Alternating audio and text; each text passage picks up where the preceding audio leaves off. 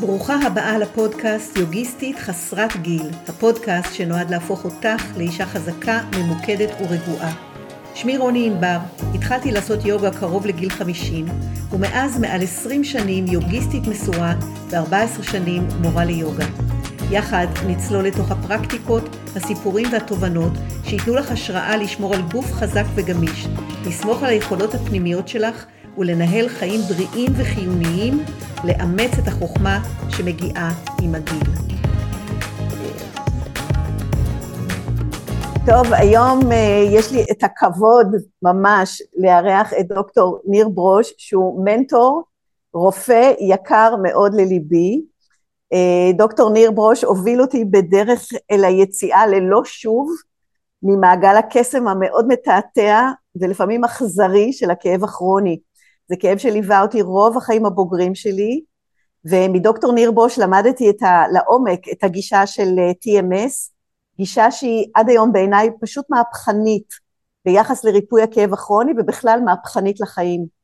זו גישה שהגעתי אליה בכלל מסרט של חברה ששלחה לי את הסרט כל אה, הזעם, All the Rage, על דוקטור ג'ון סרנוק שהייתי ממש בבור תחתית, ואני, כמו הרבה אנשים שראו את הסרט הזה, הרגשתי שהסרט הזה עשו אותו עליי, וכיוון ששמעתי שאנשים קראו את, הסרט, את הספר והבריאו, קראתי אותו המון פעמים ולא הבראתי. ואז, אה, ואז חיפשתי רופא שידבר עברית איתי על, ה, על הגישה הזאת, כי זה היה לי ברור שזאת הגישה ופשוט לא ידעתי מה לעשות, לא ידעתי איך, איך להמשיך עם זה הלאה, והגעתי אליך, ניר, ואני לא אשכח את השיחה הראשונה שהייתה לנו, כש... mm-hmm. שאמרת לי, אמרת לי, כנראה זה TMS. ואני אני לא, לא, מצד אחד היה בי ספק מאוד מאוד גדול, אבל החלטתי שזהו, ואתה אמרת לי אז, בגלל הנימה של איך שאת אומרת את זה, שאת לא מוכנה יותר, אה, אני חושב שזה, שזאת הדרך ושזה יעבוד. אז אה, אה, ניר, תספר קצת אה, עליך, על הרקע שלך, על איך אה, הגעת לעניין הזה של ה-TMS. רוני, קודם כל אני רוצה להגיד תודה שהזמנת אותי לפודקאסט שלך ואל תוך הקהילה, קהילת היוגיסטיות. כן, נכון. אני עוקב אחרי העבודה שלך ומה שאת עושה בהערכה מאוד רבה. תודה אז, רבה. אה, זה היה אך טבעי להיות כאן. אז איך בעצם, איך הגעתי לזה, או מה, כן, על מה כן, אנחנו מדברים? איך הגעת, תספר קצת על עצמך, ו, ואני אשאל אותך יותר בהמשך ככה לעומק הגישה, אבל תספר על זה קצת, כי זה באמת יוצא דופן הגישה הזאת, גם בקרב רופאים. כן, נכון, נכון. אז, אז קודם כל אני רופא משנת 2006, רופא כללי.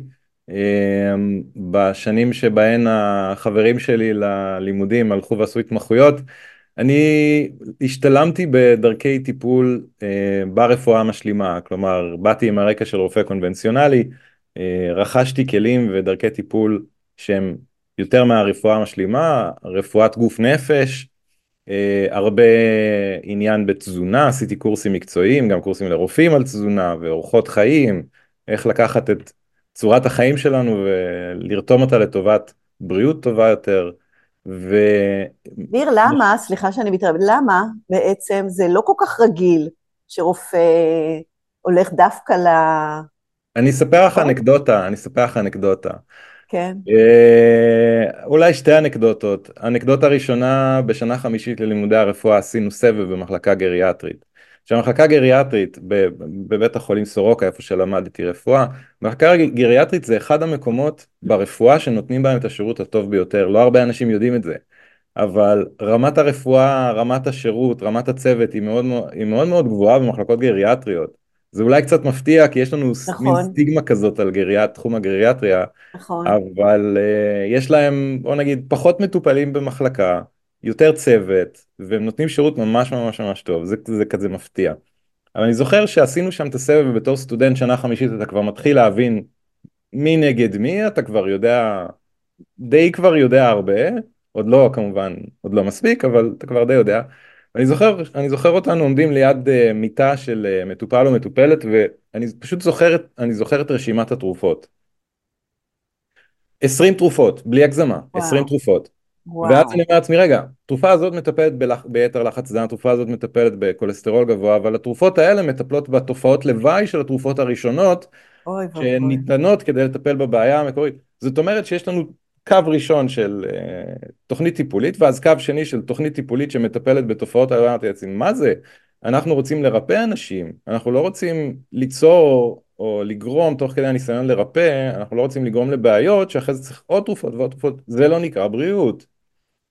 עכשיו, ברור שיש אה, בראייה קצת יותר רחבה של הרבה שנים, אז עוד, את יודעת, בכל זאת, הרבה שנים. אחורה הייתי צעיר, כן. אה, יש דברים שחייבים לטפל בהם בעזרת תרופות, חשוב וטוב שיש לנו רפואה קונבנציונלית, חשוב וטוב שיש לנו את כל היריעה הרחבה הזאת של אפשרות להציע טיפול, אה, אבל עבורי אישית זה לא הסתדר, אני העדפתי למקם את עצמי, בראייה לאחור, העדפתי למקם את עצמי במקום שעוזר לאנשים לפני שמגיעים לצורך ב-20 תרופות, לעשות רפואה עם עצמם, לעשות רפואה בעצם בכלים שהם יכולים, כי הרי בתכלס, רוב הרפואה זה רפואה עצמית, זה רפואה שאנחנו עושים לעצמנו, והיא קורית הרבה לפני שאנחנו מגיעים לקחת את הכדור הראשון או את הטיפול הראשון.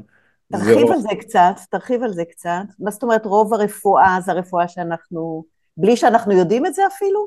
בלי שנדע, כן, בטח, אנחנו הרופאים הראשונים של עצמנו, לא כקלישאה, אלא איך אנחנו אוכלים, וכמה פעילות גופנית אנחנו עושים, והאם אנחנו מודעים לרגשות שלנו, והאם אנחנו דואגים להפחתת רמת הסטרס בחיים שלנו, והאם יש לנו מערכות יחסים טובות, מזינות, מיטיבות, האם אנחנו עצמנו דואגים שנהיה במערכות יחסים מיטיבות, האם אנחנו נמנעים מרעלים, עישון, הגזמה באלכוהול, זיהום סביבתי וכן הלאה. זאת אומרת, החיים שלנו זה, ה... זה הדבר הכי חשוב לפני כל דבר אחר, לפני כל תרופה, לפני כל ביקור אצל רופא או רופאה. טוב שיש לנו רפואה, אבל המרכז זה אנחנו, וככה, לפחות לתפיסתי, כן.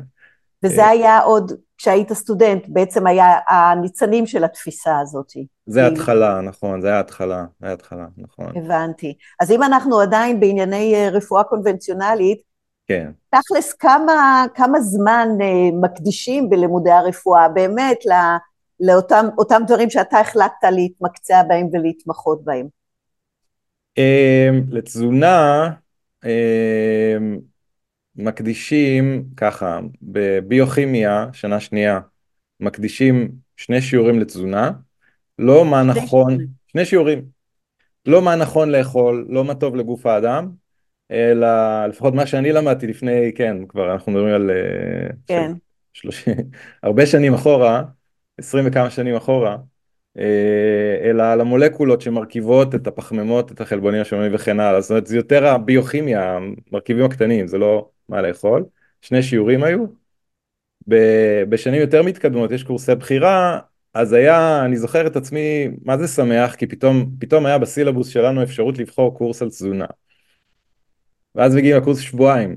מסתבר שזה קורס לא במה מה בריא לאכול, מה נכון לאכול, אלא קורס בשיטות מחקר על מחקרי תזונה. אה, אוקיי. וזהו, זה כל מה שלומדים בבית ספר לרפואה על תזונה. אמ, אחרי זה, אחרי זה השתלמתי במשך שנה בהכשרה מקצועית לרופאים שנקראת רפואת אורחות חיים, זה משהו, lifestyle medicine, זה משהו שתופס עכשיו תאוצה, שיותר ויותר רופאים שעושים את ההשתלמות הזאת, כדי באמת להיות מסוגלים, להיות עם הידע הנכון לייעץ למטופלים, מה לאכול, איך לאכול, מה מונע מחלות, מה שומר אותנו בריאים וכן הלאה. וואו. כן, וואו. כן, כן, כן. אז זה מאוד מעניין, כי הרפואה בעצם הקונבנציונלית היא מאוד אה, כאילו מתייחסת אל, הגוף, כאל המכשיר של הגוף, אבל לא, לא כל כך תפיסה הוליסטית של, ה, של הקיום שלנו, של הגוף נפש שלנו, ואתה, ואז אתה חיפשת את ההשלמות האלה לה, להשכלה הרפואית שלך. כן? נכון, נכון, נכון, נכון. נכון. ואיך הגעת באמת ל-TMS? ואם אתה יכול לספר קצת על ה-TMS, כי אז- אני לא אז- סיפרתי. אז, אה, אז TMS קודם כל כאבים שמקורם רגשי או כאבים שאנחנו מגדירים את זה בכל מיני צורות כי הרבה פעמים לשמוע כאב שהמקור שלו רגשי זה קצת מבלבל אולי, אולי תכף נדבר על זה יותר אבל אה, האופן שבו אני הגעתי לזה זה מתוך סיפור אישי מתוך חוויה אישית. אה, סבלתי מכאבי גב והכאבים האלה הם היו את יודעת באים פעם בשנה פעמיים בשנה באים דופקים בדלת שלום אני כאב הגב שלך. וולקאם, אז יש לי אורח לשבוע, כבר התרגלתי וככה למדתי לחיות. אה, כשהייתי אה, לקראת גיל 40, הגיע כאב, אבל הוא נכנס ולא הלך. אורח לא רצוי, התיישב, התנחל טוב טוב טוב, עשרה חודשים, היום אנחנו נראה את זה בחיוך, אבל uh, זה היה קשה, באמת קשה. Uh, כאבים בגב עם הקרנה לרגל, ומי שמכיר כאבים, אז, אז יודעים שבעצם טווחי ההשפעה הם מאוד רחבים, יש הרבה, הרבה מעגלים של uh, השפעה. גם כש... לא יכולת לתפקד בכלל, נכון? כאילו לא... חצי בן אדם, כן, חצי, חצי בן, בן אדם, אדם כזה, כן. מין, אה, ובאמת, מה, מה שאני, אני לא רוצה להיכנס לתיאורים קשים מדי, אבל בכאבים כן. יש גם רגעי שפל מאוד משמעותיים, כמו נגיד, אה, בלי גרפיות ובלי לפרט יותר מדי, אה, המחשבה ללכת לשירותים או להתקלח, יכולה להרגיש כמו טיפוס על איזה הר, נכון. או לצאת מחוץ לבית. בלי ההנאה של הטיפוס על ההר. בלי האדרנלין כן. והסרוטונין וכל הכיפים שבאים. כן, כן. אז, אה, אז זה היו עשרה חודשים ארוכים, ניסיתי כל מה שידעתי באותה נקודה, וזה היה כבר אחרי שבמרפאות אני עצמי ראיתי באמת אלפי אנשים שסבלו מכאבי גב, והכרתי פחות או יותר את כל מה שהיה להציע שם, גם ברפואה הקונבנציונלית, גם ברפואה המשלימה, וניסיתי המון המון המון טיפולים, שפכתי המון כסף, גם בעצמי כמטופל, על ניסיונות טיפול, ובמקרה הטוב דברים עזרו זמנית, חלקית, הרפלקסולוגיה של חמותי יחד עם אה, האולטרסאונד, היא פיזיותרפיסטית מאוד מאוד ותיקה, אבל היא גם יש לה אנרגיה מרפאת. זה היה משהו שככה די עזר לי להחזיק, להחזיק את הראש מעל המים והחגורת גב שהייתה חברה טובה באותו זמן. אבל mm-hmm. מעבר לזה, זה, זה חיים בפחד, פחד להתכופף, להרים, לעשות כל מיני דברים. ואז בייאוש, באמת בייאושי, כי אחרי עשרה חודשים שוב מצאתי את עצמי שוב במיטה, אפיזודה שהיא מינימום שלושה שבועות במיטה. אה, אה כאילו אה, התאוששת, יצאת מזה ואז עוד פעם נפילה. לא יצאתי מזה, זה היה כמו קרח דק כן, דק דק. כן. והתהלכתי עליו מאוד בזהירות רק כדי לא ליפול, ככה זה הרגיש. הגעתי למצב יחסית בסדר, חזרתי לעשות יחסית דברים, אבל זה היה כמו מין שביר, שברירי, זה לא היה זה. חייתי בפחד. זה מזכיר לי איך שאני באתי אליך גם כן, שכאילו הכל היה בסדר, בסדר, בסדר, ואז הגיע משהו ואמרתי, לא מוכן יותר, מה עשיתי? לא עשיתי שום דבר רע, ואותו דבר אצלך, כן. אז כן, אז זה באמת באמת כזה, זה באמת דומה. אה, ואז, ואז הגיעה עוד אפיזודה של... אה, אה, ש... תכננתי להיות שלושה שבועות במיטה, תכננתי במרכאות, כן? אבל אז אשתי באמת היקרה, האהובה, עשתה חיפוש באינטרנט, מצאה, מצאה איזשהו בלוג של מישהי שכתבה שהיא סבלה מכאבים וקראה איזשהו ספר והחלימה, אשתי אמרה לי, תשמע, זה נשמע כמוך, זה נשמע דומה. אין מה להפסיד, הזמנו את הספר, חיינו בגרמניה, בברלין, אז באמזון הם מביאים עד הבית חבילות, הביאו תוך uh, יום יומיים הספר הגיע עד הבית ואני שוכב במיטה, באמת, כל היום שוכב, קורא, קורא, קורא, קורא, קורא, קורא, ומתחיל להשתפר. וואו. מתחיל להשתפר תוך כדי הקריאה. ואז אחרי שלושה ימים יוצא מהמיטה, שזה היה אמור לקרות רק של... שבועיים אחרי, כן? כן. ותוך עוד כמה זמן חוזר לזוז בבית, ופתאום יוצא החוצה, ופתאום מתחיל להרים דברים, ו... ותוך חודש בעצם הייתי מחוץ לסיפור הזה. וואו. ו... וואו. ואז, וזה היה הודות לספר של דוקטור ג'ון סרנו, uh, Healing Back Pain, ספר באנגלית. Uh, קראתי אותו, הבנתי מה הוא אומר, מיד זיהיתי את עצמי, כמו שאת אמרת, אה, זיהיתי את עצמי בתוכו בין הדפים, אמרתי וואו, מישהו שלא פגשתי אף פעם, הוא כתב עליי ספר. נכון. ו...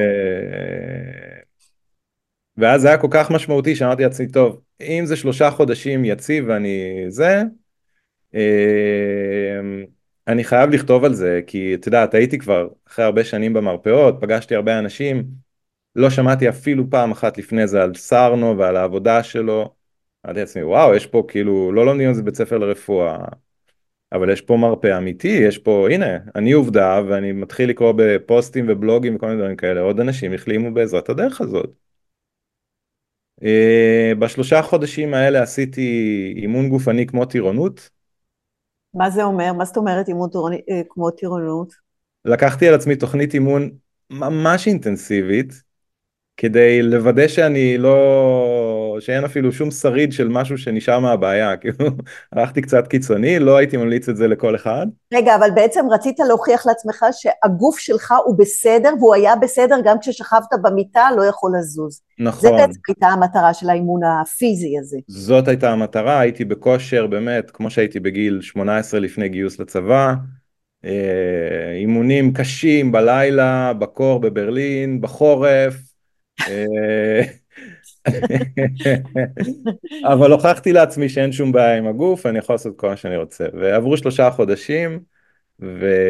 וכתבתי, היה לי קשר עם uh, העורך של ynet בריאות, ממאמרים קודמים, כתבתי את הסיפור שלי והוא פרסם, והמון אנשים uh, פנו, קראו, כתבו, ומשם דברים התגלגלו בעצם. אז רגע, נירה, אבל אני רק רוצה דבר אחד, כי אני חושבת שזו נקודה מאוד משמעותית.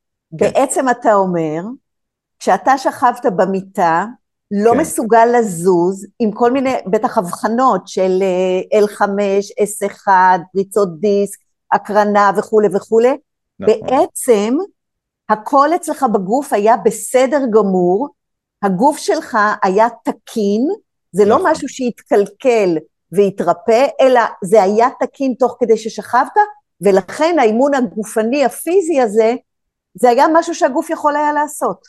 נכון, נכון. נכון? נכון. אוקיי. נכון. מה היה צריך כדי שהגוף יוכל לחזור לעשות את האימון הפיזי? עכשיו תנסה להסביר לי כאילו על ה-TMS, מה היה שם? תראי, מה שהיה באמת, וזה... אני לא צריך להסביר לך, כי את יודעת, אבל... כן, אבל צריך להסביר. למה... כן, צריך להסביר. כן. בעצם מה שקרה זה תהליך שפה אנחנו מחברים את הגוף והנפש.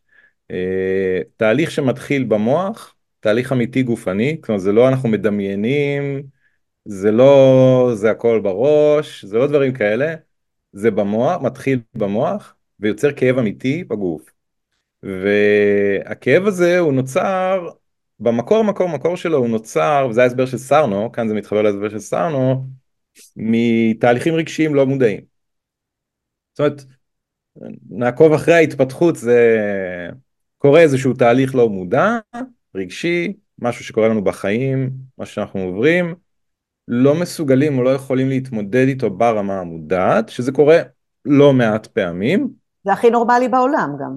בריא, נורמלי, רגיל, נכון, תהליך רגיל לחלוטין, אבל בגלל שיש איזשהו רגש או איזשהו קונפליקט שאנחנו לא יודעים להתמודד איתו ולא יכולים כי אנחנו לא מודעים אליו, מה שקורה הוא זה שיש איזשהו סוג של המרה שהמוח עושה מרגשות לסימפטומים פיזיים של כאב. הכאב הזה הוא כאב אמיתי, כלומר, אם, אם uh, נשאל אנשים שיש להם את התהליך הזה, כמו מה זה מרגיש, זה מרגיש כמו בעיה בגוף.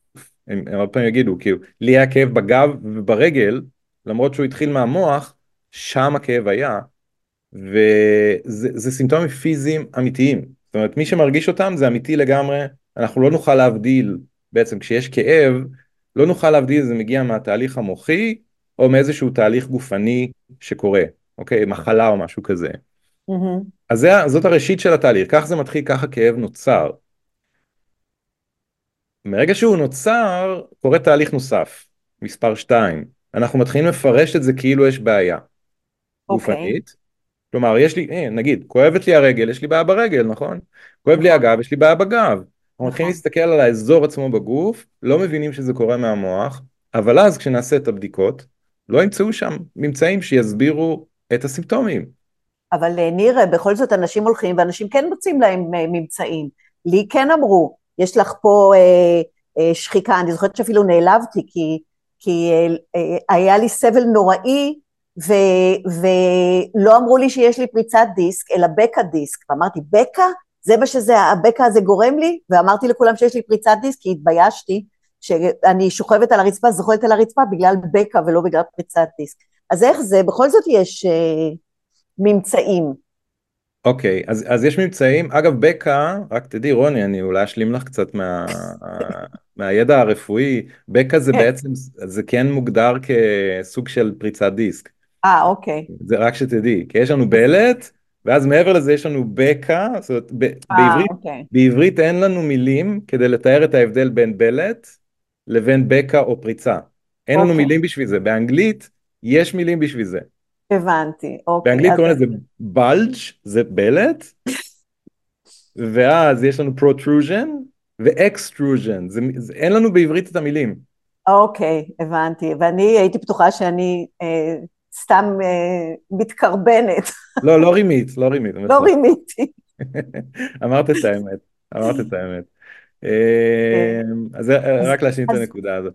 אז נכון, להרבה אנשים יש את זה, גם לי יש אגב, יש לי פריצת דיסק קטנה, כמו שאמרת בול, בין L5 ל-S1, אני יושב איתה איך שאני רוצה, ואני עושה ספורט, אתמול עשיתי אימון אינטנסיבי של משקולות, אני עושה כל מה שאני רוצה בלי שום הגבלה, דברים שאני רוצה, כן, אני לא אקסטרים או זה, אני לא אוהב כן, אקסטרים, בסדר. אבל אה, אנחנו יכולים להיות עם הדברים האלה והם לא יגרמו לשום כאב. למה? כי ברוב רובם של המקרים, וזה, עכשיו פה נחבר מדע, כן?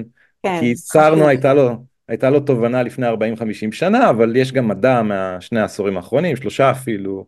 אה, השינויים האלה בגוף הם ברוב רובם של המקרים שינויים של גיל, לא יותר ולא פחות. זאת אומרת, מן ה... את יודעת, אה, סרנו קרא לזה השערות האפורות של הגב. כן, אה, הקמטים שיש לנו על הפנים, את יודעת, השינוי הפיזי, אז זה קורה גם בפנים, בעצמות ובגידים וברקמות החיבור, ורואים את זה כשעושים MRI או בדיקות אחרות שהן מסתכלות לתוך הגוף, פשוט רואים את השינויים של הגיל, כן. אז- אז ברוב המקרים זה הגיל שלנו ולא בעיה, לא בעיה שאמורה ליצור סימפטומים. אה, ניר, לספר שכתבת בעקבות אה, הבאז שזה עשה, כאילו הריאיון הזה בוויינט, ואחר כך כתבת גם ספר, כן, כתב- כן. קראת לו הכוח לרפא את הכאב. למה זה השם של הספר? וואו, אני חושב ש... אה, נראה לי שזו פעם ראשונה ששואלים אותי על השם, את יודעת? באמת? כן, אני כן. מאוד אוהבת את השם הזה, מאוד מאוד מאוד, הוא מאוד משמעותי בשבילי. ל- למה? את יכולה, לה- את יכולה אולי להסביר? סליחה אני שאני אגיד לך מה אני. חושבת. כן, אני אגיד כן, לך מה אני חושבת, אני לא יודעת מה אתה חושב. אני חושבת שמה שאתה רצית להראות בשם הזה, זה שבנו יש את הכוח לרפא כאב, ויש לנו כוח בעצם אינסופי. אין, זה עניין של בחירה ממש, כי אה, בעצם אה, גם, כי מה שאני למדתי אצלך זה שהכוח, שהכאב הוא יציר של המוח, יצור, גם כשהוא אקוטי הוא יצ, יציר המוח. ולכן בעצם אה, כאילו ש... המסר שאני קיבלתי זה שאני יכולה להשפיע על הכאב, אני יכולה לרפא אותו, יש לי את הכוח הזה, ומהבחינה הזאת זאת העצמה נורא גדולה, כל הגישה הזאת של TMS. אז זאת הייתה הפרשנות שלי, אני צדקתי? צדקת לגמרי, זאת, זאת הייתה כוונת המשורר. את יודעת, כשיש אוקיי. שיר נגיד תמיד אומרים שאנחנו אף פעם לא יכולים לדעת מה הייתה כוונת המשורר, אבל זו ממש, הבחירה של השם היא הייתה מכוונת, היא הייתה מודעת. אמ, וזו הייתה הכוונה מאחורי זה, כי הכוונה שכשמחזיקים את הספר, מי שמחזיק בספר, בידע, מהמם, יש לו את הכוח לרפא את הכאב. כן. זאת הכוונה. איזה יופי, עוד הכוונה. יותר טוב. זאת אומרת, הכוח הוא, הוא קשור גם לספר, לידע.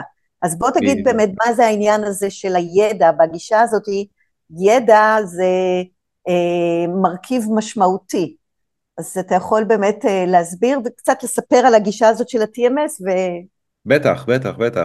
בואי נתחיל מההפך של ידע, אין ידע, ואוקיי, בורות, זה ב... בורות, חוסר כן. ידע, כן, כן. בעולם היוגה, נכון? נכון, בורות. יש בורות. אמ, אז, אמ, אז חוסר, חוסר ידע זה מה שמאפיין את רוב מי שסובלים מכאבים. זאת לא האשמה, זאת לא ברור. ביקורת, זה ברור. תיאור של מצב, ובעצם, וזה משהו שבאמת, אני, אני יכול להגיד שבנקודה הזו פגשתי, אני חושב שזה יהיה נכון להגיד אלפי אנשים שסובלים או סבלו מכאבים, והאנשים שידעו להסביר מתוכם, ידעו להסביר מה זה כאב ואיך הוא נוצר בעצם בגוף שלנו, הם איך אומרים, פרומיל של אחוז, הם, הם לא, כמעט לא קיימים. לא ידעו להגיד מה זה כאב בעצם.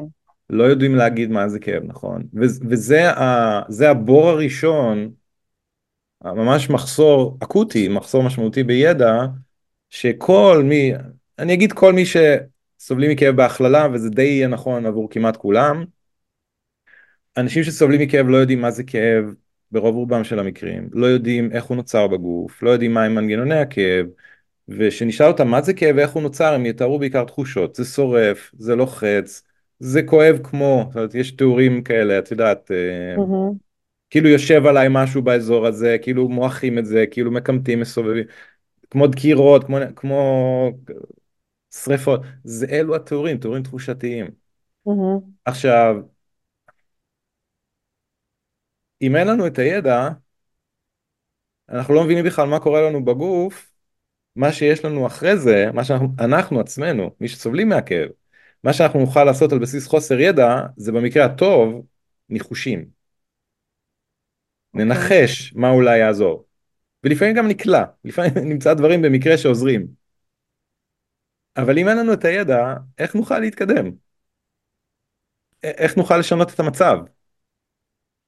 אז מהו, מהו הידע? מה, אתה, מה אנחנו בעצם מלמדים בספר הזה? או...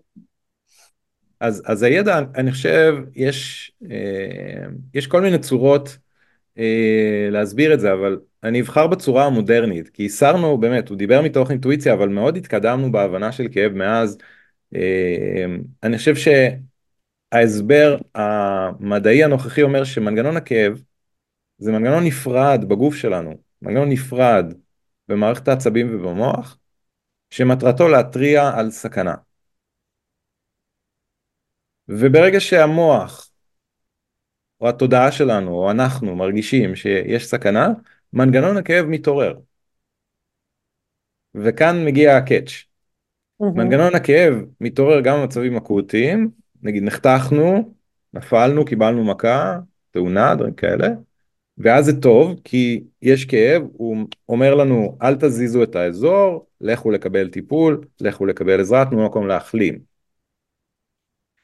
אבל אותו מנגנון עובד גם על טווחים ארוכים, כל עוד הוא חושב שיש סכנה. אוקיי. ואז מה שעשוי לקרות, וזה קורה הרבה מאוד פעמים, שהמנגנון כאילו נתקע על מצב של הפעלה, והוא לא יודע בעצמו לשחרר את עצמו מהמצב המופעל הזה. במילים אחרות, אנשים סובלים מכאבים, הכאבים האלה מתמשכים, והכאב ימשיך אלא אם הם ירכשו את הידע הנכון ויגידו במרכאות מטאפורית לכאב, אוקיי, אפשר לעצור, אפשר להפסיק. ו... זה דרך אגב לא, מטאפור, לא לגמרי מטאפורית, כי באמת הם אומרים לכאב, נכון? נכון, זאת אחת הטכניקות, נכון. אחת, mm-hmm. אחת מיני רבות, אחת מהטכניקות שאנחנו משתמשים, זה ממש אומרים למוח, היי, חבר, תעצור, תפסיק, לא צריך יותר את הכאב. זו טכניקה אחת מתוך גישה, שיטה שלמה, אבל היא בפירוש אפקטיבית, כן, כן, כן. ב- לסרנו יש ספר כזה שנקרא The Divided Mind. כן. שני, אה, שני מוחות, איך זה מתקשר לה, להבנה הזאת? מה, איזה, איזה שימוש, מה, מה זאת אומרת שיש לנו מוח מפוצל ואיך אנחנו יכולים נגיד להיעזר בידע הזה שיש לנו כאילו שני מוחות? The Divided Mind, uh, uh, ספר, באמת זה הספר הכי מאוחר של סרנו, הוא כתב אותו בשיתוף עם עוד רופאים נכון. מתחומים שונים שעובדים גם עם העקרונות האלה, שזה מעניין לקבל פרספקטיבה מהרבה תחומים. Uh, The Divided Mind, אני חושב שמה שהוא הצביע עליו זו הפרדה מהותית שאנחנו עושים בין הגוף לנפש. כלומר אנחנו חושבים שהגוף והנפש זה, זה שני דברים שונים. ובעוד שכולנו יודעים מחיי היום יום שמה שאנחנו מרגישים מתבטא בגוף. נכון. את יודעת, קחי נגיד אפילו סיטואציות אה, משמחות כמו חתונה או מצד שני שבעה. אנשים חווים שם סימפטומים. נכון. חווים סימפטומים. כאבי ראש, כאבי צוואר, כאבים בגב, פה איזה טוויץ' כזה כאן, כאב כאן, קרחצן כאן. זאת אומרת, סביב מתחים מוגברים, אנשים חווים סימפטומים. אפילו כשאנחנו מתרגשים, או נבוכים, אז הרי זה תופעות רגשיות, נכון, נפשיות, אבל יש להן ביטוי פיזי. פיזי, תחושת, נכון.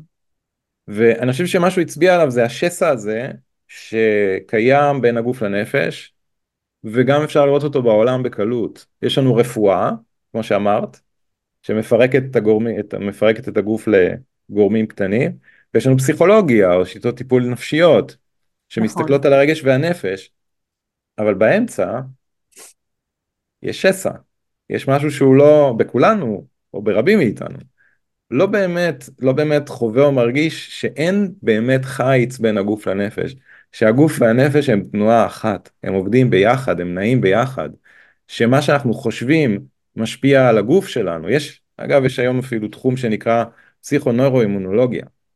פסיכונוירו-אימונולוגיה? זה המחשבות והרגשות שלנו ואיך הם משפיעים על מערכת העצבים ואיך זה משפיע על מערכת החיסון. זה תחום מאוד מעניין, תחום מדעי. מאוד מתחבר עם הגישה שלנו ב-TMS, מאוד mm. מאוד מאוד. נכון. אה, לא, לא אמרנו מה זה הראשי תיבות האלה TMS. נכון, TMS, tension myoneural syndrome.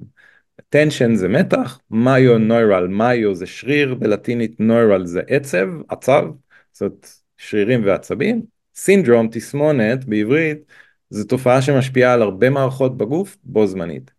אז תסמונת שמשפיעה על בעיקר שרירים ועצבים בו זמנית בכל מקומות בגוף, אפשרי כמובן, ונובעת ממתחים. אוקיי, okay.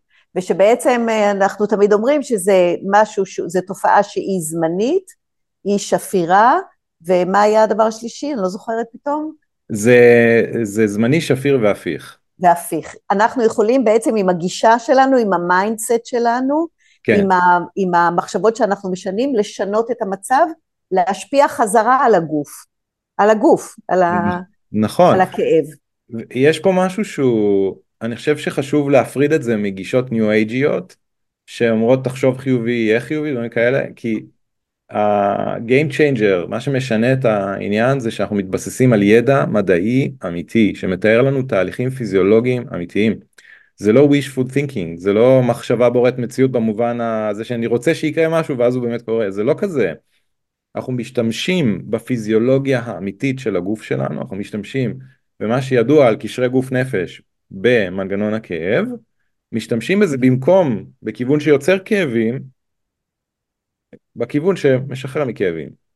כאילו באות, זה, זה אותה, אותו גורם שגרם לכאב, הוא גם זה שיפוגג את הכאב. בדיוק. זה בעצם הרעיון. בדיוק. עכשיו, נגיד אה, מישהו אה, כלוא כל הקיצים, הוא כבר לא יודע מה לעשות, הוא אומר, אני, אני הולך לגישה הזאת. מה האתגרים, לפי, מהניסיון שלך, כי אתה כבר טיפלת באמת בהמון המון אנשים, אלפים, נכון? כבר אפשר להגיד אה, אלפים? אפשר להגיד, כן, כן. כן. בדיוק, בדיוק רוני קראתי, כי סק... מעניין, השבוע סקרן אותי אה, כמה מטופלים, כמה אנשים, רופא או רופאה, רואים בקריירה שלהם. כן? Mm-hmm. כל הקריירה, אז המספר שם הוא אה, סביבות ה... בין 40 אולי 60 אלף. וואו. אנשים, כן. וואו, אז וואו. זה, זה עשרת אלפים לעשור, אז זה בערך אלף בשנה, אבל אני מתחבר למספרים האלה, אני יכול להבין מאיפה זה בא. וואו. רואים הרבה אנשים. וואו. אמ, אז, אה, אוי רגע, אני עכשיו אה, איבדתי את הקו של השאלה. אז שאלתי בעצם, מי שמתחיל ליווי, עכשיו מהניסיון כן, שלך, כן, כן. אומר שאני מנסה, נותן צ'אנס לגישה הזאת, מה, איזה אתגרים אתה חושב שיש בפני אנשים שסובלים okay. אוקיי. מכאב, שמחליטים ללכת על הגישה הזאת של TMS? זאת אומרת, מי שסובלים מכאבים, אגב, הגישה היא מתאימה לאנשים שסובלים מכאב ממושך, שלא מצאו פתרון או שמחפשים פתרון לכאב הממושך, אה, אז היא תתאים להרבה מאוד אנשים. אני חושב שיש כמה אתגרים. אה, אחד זה... אחד זה להבין שכאב זו תופעה הפיכה. זה אתגר. אה, אבל זה גם אתגר מהנה וכיפי, כי כשמבינים אותו, אז הדרך נפתחת לריפוי. כי, כי אנחנו כל הגישה וכל התפיסה היא שכאב זה מין תופעה של הגוף שאי אפשר לשלוט עליה, שהיא מין כזה יש מאין והיא תמיד מבטאת נזק באיבר או באזור שאנחנו מרגישים את הכאב. ופה אנחנו בעצם באים עם ידע חדש, ידע מדעי מהשניים שלושה עשורים האחרונים, מאוד מבוסס, מאוד רחב אגב, יש לנו המון המון המון מחקר, שזה מה שמדהים בזה, מתחילים להשתמש בידע החדש יותר על איך מנגנון הכאב באמת עובד, ופשוט שמים את עצמנו בהדרגה במקום אחר שאומר, אוקיי, זה לא עכשיו משהו שאין עליו שליטה, אלא להפך, כשמבינים איך זה עובד, משתמשים בכלים הנכונים, זה מתחיל להשתנות. ואז אנשים חווים ממש את זה שהכאב אה, עוזב אותם. משתפר, ורוב האנשים זה לא טיפולים ארוכים בדרך כלל, רוב האנשים תוך כמה שבועות ראשונים כבר התחילו לחוות משהו שקורה. שבועיים שלושה ראשונים, משהו מתחיל לזוז, לא צריך לחכות כן. המון זמן, זה לא שנה. אה, אז, אז זה אתגר ראשון. אוקיי. זאת אומרת, לעבור להבנה שמי הכאב הוא חזק ממני, אני פסיבי ביחס לכאב, הוא משפיע עליי, הוא שולט בי, להבין וואו, בעזרת הידע הנכון והכלים הנכונים, אפשר לשנות את זה, אפשר להשפיע על זה, אפשר לפוגג את הכאב. לא צריך להיות כזה. איך נעשה את ההבחנה, נגיד אתה כרופא, איך, איך נעשה, בכל זאת צריכה להיות פה איזושהי אחריות, אה, אז נגיד אני ניגשת, צריכה להיות איזושהי הבחנה ראשונית, נכון, נכון שזה אכן TMS. נכון, נכון. אמ, אני מתייחס לזה בצורה טיפה, אמ, מבחינה רפואית קצת יותר רחבה מהמושג TMS גם, אה, כי פונים אליי, נכון למה פונים אליי אנשים שהם באמת מכל קשת תסמונות הכאב? הדבר הראשון שחשוב לנו לברר מבחינה רפואית זה שאין דבר מסוכן שקורה בגוף. Mm-hmm. לעשות בירור רפואי כמו שצריך, נכון. אמ, זה יכול לכלול בדיקות דם, זה יכול לכלול בדיקות הדמיה, זה יכול לכלול ייעוצים ממומחים, זאת אומרת רופאים או רופאות מומחים, מומחיות בתחומים שונים, לוודא שאין תהליך בגוף של מחלה, תהליך של פגיעה ברקמות הגוף. זה דבר ראשון שחשוב לנו לראות, לוודא שאין. רוב האנשים שסובלים מכאבים הם כבר עברו את המהלך הזה של הבחנה, mm-hmm. שהכאב הוא כרוני. Mm-hmm. הם עברו את מהלך ההבחנה. אה, אז הדבר הראשון שאנחנו רוצים לוודא שאין תהליך של מחלה, שאין איזושהי הבחנה רפואית, שהיא זו שגורמת לסימפטומים ולהרס או פגיעה בגוף עצמו. זה מאוד מאוד מאוד חשוב. עכשיו, אחרי זה יש כל מיני מאפיינים שהם אה, הם על בסיס ההבחנה הנכונה, הם גם עוזרים לשלול בעיות אחרות והם גם עוזרים לאשר שמדובר בכאב מהסוג של TMS או כאב ממושך שאין לו סיבה אורגנית. אמ, למשל, אמ, כאב שנמשך הרבה מעבר לזמן שהרקמות מחלימות. שאנחנו יודעים שהרקמות כבר מחלימות, היו אמורות להחלים בשלב הזה. בדיוק, כן. נגיד, אנשים עם, אמ, אה, אחרי פציעה ישנה, שפתאום הכאב נמשך ונמשך ונמשך, הגוף מזמן החלים, למה הכאב נשאר? מצבים שבהם זה חוזר להבחנה, מצבים שבהם אנשים אומרים כן יש לכם שחיקה במפרק הזה והזה, בברך, בירך, אנחנו יודעים שהרבה פעמים אין, אין באמת תואם בין מה שרואים נגיד בצילום או ב-MRI לבין עוצמת הסימפטומים שאנשים חווים. או אפילו המיקום של הכאב, לפעמים קצת שונה הכאב. מהממצא. נכון, ופה זה באמת חוזר לשאלת ההבחנה הרפואית שהיא צריכה להיות מאוד מדויקת ומדוקדקת.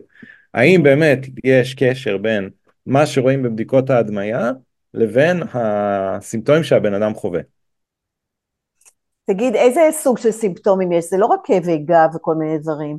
אני יודעת שאלן גורדון קורא לזה הרבה פעמים סימני הגוף. אלן גורדון שהוא... מה, איזה עוד אה, כל מיני סימפטומים שאנחנו יכולים לעצור רגע ולהגיד, רגע, רגע, אולי זה TMS גם. ובהקשר הזה גם תתייחס אם אתה יכול לעניין הזה של חילופי סימפטומים, כי זה גם משהו מתעתע קצת. בטח, בטח. אמ, אחרי שביססנו את ההבחנה, ואנחנו רואים באמת שמדובר ב-TMS, אז אפשר לעבוד על זה, ויש כמה, אה, כמה תסמונות שהן יותר נפוצות, בואי נגיד, הקלאסיות יותר. אמ, אז כאבי גב תחתון שהם מתמשכים, אגב אנחנו יודעים ש-85% מהאנשים שיש להם כאב גב כרוני, מתמשך, אמ, לא מוצאים להם סיבה רפואית. 67% ממי שסובלים מכאבי צוואר, שזאת סיבה שנייה או בעיה שנייה שאנחנו יכולים לטפל בה בהצלחה רבה על ידי השיטה, הם אה, סובלים מ-TMS. גם אין, אין, אין ממצא רפואי כלשהו. Uh, השיטה עובדת בסחיאטיקה, זאת אומרת כאבי גב, כאבי צוואר, שחיית, שכמות כמובן, סחיאטיקה, אותה הקרנה על הרגל, מאחורה. אתה, אתה יודע שזה מה שהיה כאילו ההבחנה שלי, כן. היה לי קשה מאוד מאוד מאוד לקבל את זה, שזה לא מבני, כי אמרו לי זה לוחץ על עצב, זה לוחץ על עצב. ו... כן. הסכיאטיקה או אישיאס לפעמים קוראים לזה ככה, כן. אה, אמ, בהרבה מאוד מהמקרים זה TMS, זה לא לחץ על עצב, זה לא כל מיני דברים כאלה. אה, עצבים הן רקמות מאוד רכות, ונכון שהם לפעמים נמעכים, אבל הם נמעכים ואז גם מתרחבים. זאת אומרת, נגיד נשב הרבה זמן, אז אנחנו קצת נמעך את העצבים, כן, בגלל שאנחנו יושבים עליהם, Mm-hmm. זה יהיה קצת לא נעים, כל אחד, מי שיושב איזה, ש... לא יודע, חצי שעה, 45 דקות, מרגישים אי נוחות, כאילו צריך לקום. אז אנחנו קמים והאזור שם משתחרר והכל חוזר לזרום, זה לא סיבה לכאב. אוקיי, okay. לכאב מתמשך כזה. לכאב מתמשך, ועצב לחוץ זה תיאוריה מעניינת, אבל אי אפשר כל כך להוכיח אותה. ואפילו אם יש, ניתן דוגמה קיצונית, אפילו אם יש ב-MRI, עושים MRI של עמוד השדרה, ורואים עצב, רואים דיסק שפרץ וממלא את תעלת השדרה באחד הצדדים, יש את הנקבים הצדדיים. עד שהוא ממלא את תעלת השדרה שני שליש, או נגיד חצי וקצת לעצב, עדיין יש מספיק מקום להרגיש בכיף. להרגיש טוב, יש לו מספיק מקום שם, גם כשחצי מתעלה, מהתעלה הצדדית של השדרה, היא נשארת פנויה, עדיין לעצב יש מספיק מקום לתפקד מצוין. רק מה, אם רואים ב-MRI חסימה או, או כאילו לחץ, מירכאות, של הדיסק על שהוא נכנס לתוך התעלה הצדדית של השדרה, הנקבים מה שנקרא, אה, כשרואים אותו, את הדיסק ממלא שם חצי, אז מיד אומרים יש לחץ על העצב. אי אפשר לראות את זה. Mm. אי אפשר לראות את זה. אז גם במקרי קיצון כאלה, עדיין לא בטוח בכלל שיש לחץ. זה חשוב ועדיין, לדעת. ועדיין TMS יכול, הגישה, כאילו הגישה יכולה לעזור. עדיין הגישה יכולה ותעזור בהרבה מאוד מהמקרים. אה, אנחנו עדיין בהבחנות, אז אמרנו כאבי גב תחתון, שכמות, צוואר, אה, סחיאטיקה, כאבים בישבנים, הם מתמשכים. הרבה פעמים אנשים מקבלים הבחנה של תסמונת פיריפורמיס, מין דבר נפוץ כזה שרץ גם כן, mm-hmm. זה הרבה פעמים, הרבה פעמים TMS, כאבי ראש, מיגרנות, פיברומיאלגיה, וואו.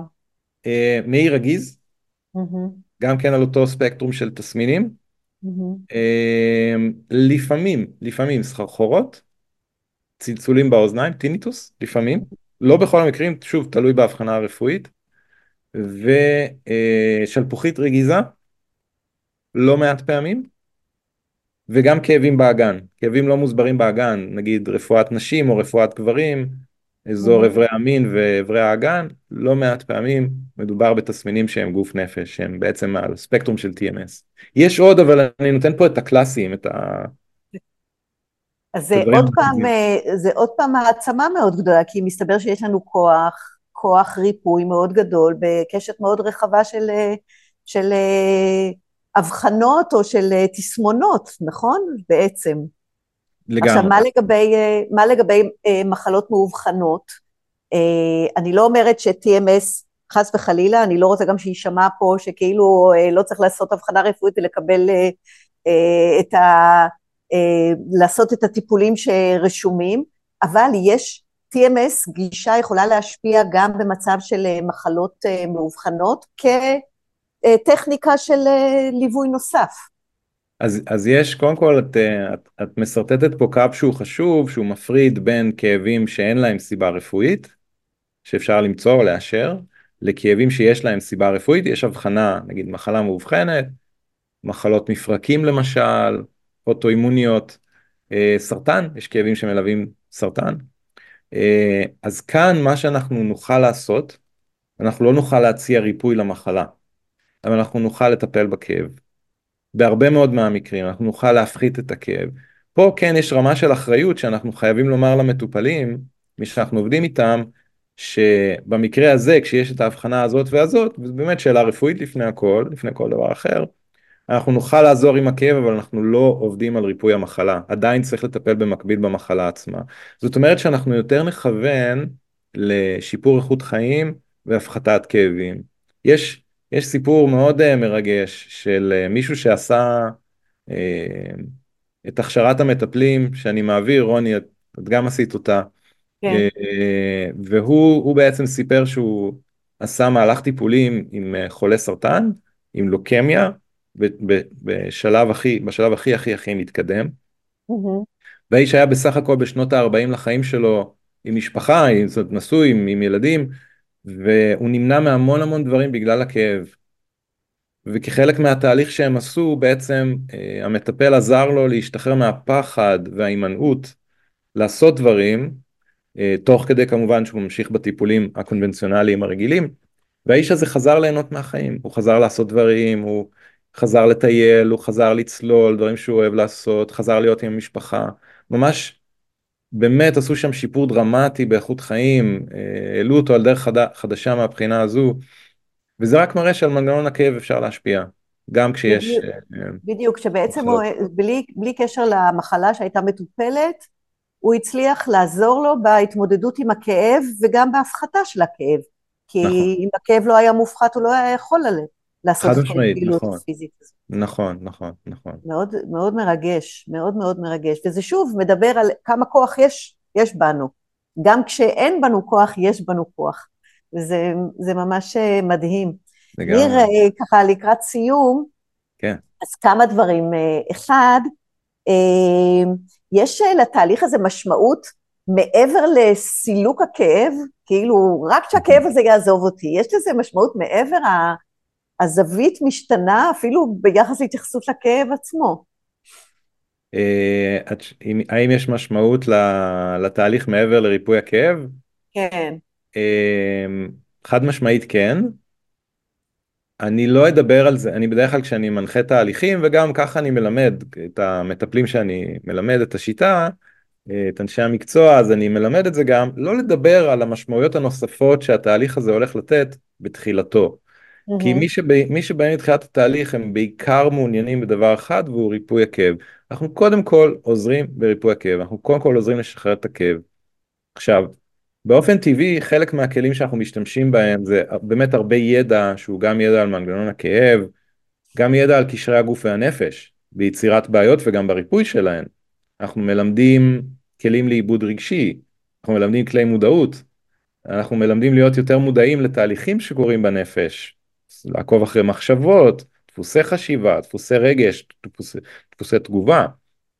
זאת אומרת שמהלך הריפוי כאן מלמד בעצם, דיברנו מקודם על השסע הזה בין הגוף לנפש, הוא מלמד לאחות אותו. Mm. ותוך כדי הדרך אנחנו מאחים את השסע הזה ואנחנו בעצם הופכים אנשים שלמים יותר, בין אם נתכוון לזה ובין אם לא, כי אנחנו עובדים עם הקשר בין הגוף לנפש בצורה יותר מודעת. שברגע שעובדים עם הקשר בין הגוף לנפש בצורה יותר מודעת, נוצר איחוד. ואני חושב שהתהליך, מעבר לזה שהוא מביא הרבה פעמים תובנות משמעותיות על החיים, ועוזר להתיר דפוסים רגשיים שהם לפעמים ארוכי שנים, הוא עוזר חווייתית, לא כתיאוריה. הוא עוזר חווייתית להבין שאנחנו באמת ישות מאוחדת, שאין הפרדה באמת, אין קו מפריד כזה חד או ברור בין הנפש לגוף, שהם נעים כתנועה אחת, ואני חושב שאידיאלית, מה שהתהליך הזה עושה מבפנים, ברמה המודעת יותר או פחות, זה הוא יוצר את האחדות הזאת, הוא יוצר את האיחוד הזה בין גוף לנפש. שזה מדהים, כי אה, בחיים כאילו כל הזמן אה, אה, גורמים לנו להתייחס אל הגוף שלנו כאל אינסטרומנט. האינסטרומנט הזה שאו שהוא עובד טוב או שהוא לא עובד טוב, או שהוא מקולקל או שצריך לתקן אותו. ופה בעצם הוא לא אינסטרומנט, זה כאילו המוח הוא בתוך כל תא ותא, וכל תא ותא נמצא בתוך המוח, ו- וזה הכל אה, מבנה אחד. יש לי עוד uh, שאלה קטנטונת שלא חשבתי עליה, אבל עכשיו היא עולה לי. בטח. אז במה, במה זה, למה, אתה אמרת בהתחלה, אתה תיארת שאתה הלכת ל, ל, גם לטיפולים אלטרנטיביים והם לא עזרו. למרות שהם כן מדברים גוף נפש, הם כן מדברים על... ובכל נכון. זאת זה לא עזר. מה היה חסר בפאזל? מה שהיה חסר בפאזל זאת ההבנה שכאב אמיתי לחלוטין, כאב אמיתי בגב וברגל, במקרה שלי אצל אנשים אחרים זה במקומות אחרים, כן. יכול להיווצר לא מנזק במבנה, יכול להיווצר על ידי המוח. הבנתי. כתהליך פנימי, כתהליך הגנה. כל עוד לא, לא ידעתי את זה, עדיין ייחסתי את הכאב, עולה, יורד, משתנה וכן הלאה, לדיסק הזה שיושב בין L5S1 ולפריצה הזאת שמאיזושהי סיבה היא לא עוברת למרות שהרקמות אחרי כמה חודשים כבר מזמן החלימו. פחדתי על הדיסק, פחדתי לזוז, פחדתי לעשות דברים. שחיתי, אני אוהב במקרה אוהב לשחות, אבל שחיתי כדי לשמור על הגב. עשיתי הכל סביב ה... רק לא להרגיז במרכאות את האזור הזה, רק לא להפריע לשלוותו כדי שהכאב לא יבוא עוד פעם. ברגע שהבנתי שזה בכלל לא קשור בדיסק, זה קשור במוח, במערכת העצבים, וזה תהליך הפיך, יצאתי לחופשי. הבנתי. וההבנה הזאת, יחד עם הטכניקות הנכונות, משחררת הרבה אנשים. טכניקות שגם יכולות להיות לקוחות מהעולם הזה של הגוף נפש, כמו יוגה, כמו זה ש... שבהחלט אה, עושות, גורמות לאיזושהי הרפייה, ואנחנו צריכים את ההרפייה הזאת, גם מבחינת השרירים האלה המאוד מאוד מכווצים. לגמרי, לגמרי, לגמרי, נכון, נכון, נכון, נכון מאוד. ואז הרבה שיטות יכולות להשתלב יחד עם השיטה, אפשר לשלב אותה בתוכן, ואז משיגים אפקטים באמת מרחיקי לכת בריפוי כאבים. אתה יודע שאני ראיינתי עכשיו, אני לא יודעת אם אתה הקשבת לפודקאסט הזה, בחורה, זה נורא מצחיק, היא צלצלה להגיד לי תודה, אני לא מכירה אותה. והיא צלצלה להגיד לי תודה כי היא חברה טובה של מישהי שכן הייתה אצלי בליווי, וכשאותה בחורה הייתה עושה שיעורי בית, כי אני נותנת שיעורי בית כל שבוע, אז הם היו עושות את שיעורי הבית האלה ביחד. וה, והחברה נרפאה. מדהים. עכשיו, החברה היא, היא גם מורה ליוגה, שנים mm. עוסקת ביוגה תרפיה, היא, אה, והיא אומרת, לא נפל לה האסימון, כאילו כל הגישה של יוגה תרפיה היא גם מאוד תרפואיטית, מאוד uh, uh, מכילה ו- ומבינה וכולי, ועד, ולמרות שיוגה עוסקת בגוף נפש, okay. לא אוקיי. ירד לה האסימון, לא ירד לה האסימון, ועכשיו אתה צריך להקשיב לזה, זה פשוט מדהים, היא אומרת, זה קסם, והמון אנשים מדברים איתי על, במילים כאלה של קסם, קסם. זה, זה, זה, אומר, זה אומר שני דברים, אחד זה שאת עושה עבודה ממש ממש טובה. תודה. והקסם זה באמת, זה דבר אמיתי, אני חושב שברגע ששומעים על זה זה קצת קשה להאמין. אה, אנחנו שנינו זה עדות חיה לזה שזה אפשרי, ועוד הרבה נכון. הרבה הרבה אנשים. נכון. הקסם הזה באמת הוא, אני חושב שזה פתח אמיתי ואפשרות אמיתית לרפא בעיה, לרפא כאבים, לרפא בעיה שהיא הייתה משהו שהיה אגוז קשה לפיצוח, אני חושב שהאגוז הזה הוא בהרבה מובנים הוא התפצח, או אפשר לפצח אותו בעזרת ההבנה והכלים האלו והשיטה, ויש פה אפשרות אמיתית. אה, כן. למי שסובלים לגמרי פותח את הדרך. ונקווה שעוד ועוד ישמעו על זה וינסו את זה ויראו כי טוב. נכון, באמת אה, זהו, ועכשיו על העתיד באמת, אז, אז אה, מה היית רוצה בעצם, כאילו, למה, למה אתה מקווה ולמה אתה רוצה בהקשר הזה? אמ, וואו, את שואלת אותי שאלה ממש גדולה. רוני, אני בדיוק מתעסק בזה בימים האלה. אז באמת? אה, כן, כן, כן, ממש... אה, מה הייתי רוצה, מה החלום שלי? I have a כן, dream.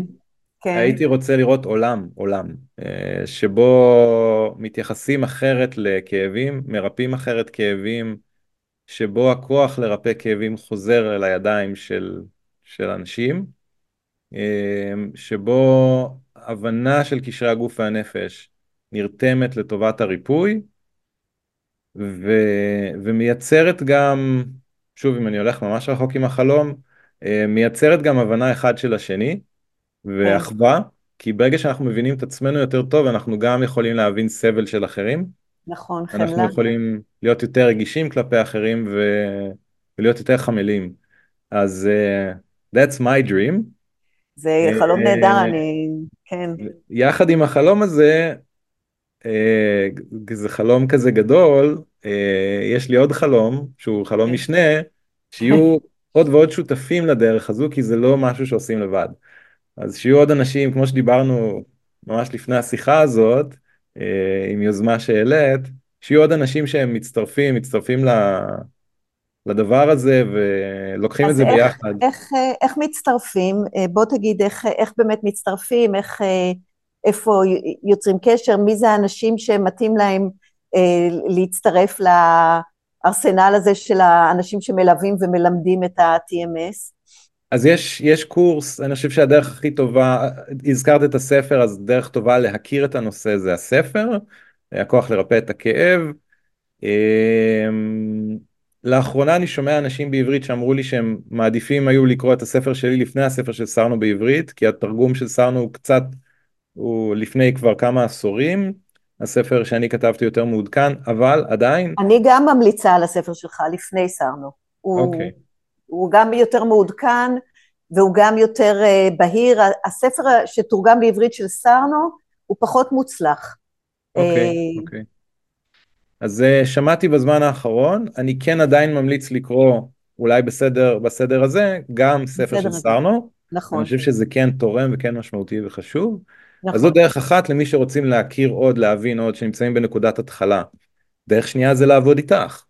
את גם עושה קבוצות, ואת עושה את זה נהדר. אני עושה עכשיו, אה, עכשיו פחות קבוצות, התחלתי אחד על אחד, אבל אני בקרוב גם אעשה קבוצות. אוקיי, אוקיי, מעולה. אז, אז לעבוד איתך, בהחלט. אה, למי שצריכים טיפול. מי שחושבים על זה ברמה של ממש להעמיק וללמוד את השיטה, אז אני מלמד, פעמיים בשנה אני מלמד קורס שלם מלא להכשרת מטפלים. אה, הוא פתוח גם למי שמעוניינים ללמוד אה, לעומק את, ה, את כל השיטה ואת כל הטכניקות. אני באמת נותן שם את הכל, אני מלמד את כל הכל, כל מה שצריך, תיאוריה נכון, ומעשה. מאוד מעמיק. אה, אז יש לנו אתר נקרא TMS Center, אפשר להיכנס לאתר שלנו, לקרוא עוד, להבין עוד מה אנחנו עושים וליצור קשר, יש שם גם טופס כזה שיוצרים קשר, אז ממש מוזמנים להיכנס לטופס, לשלוח פרטים, שני המקסימה הנפלאה שעובדת איתנו, היא תשמח לענות על כל שאלה ולתת את המידע. יופי, ניר, תודה רבה, באמת היה מפגש אה, נהדר, מעניין, מקיף, אני ממש ממש מודה לך. תודה, רוני, תודה רבה, אני מרגיש ממש את אותם דברים, ותמשיכי בעבודה המבורכת שלך, ובאמת תודה על השיחה הזאת שהייתה מעמיקה ונפלאה. תודה רבה. תודה, להתראות. תודה שהאזנת. כאן רוני ענבר, ובזאת סיימתי עוד פרק של הפודקאסט יוגיסטית חסרת גיל. נתראה בפרקים הבאים. אני מזכירה לך שאפשר להצטרף אליי לשידור חי בימי ראשון שבע בבוקר אצלי בדף הפייסבוק, שם גם יש קצת תרגול יוגה. חפשי רוני ענבר ותמצאי בקלות. ממליצה לך גם להיכנס לאתר שלי, שם יש המון חומרים נוספים ומידע על מה שאני עושה בימים אלה. ניפגש בהמשך.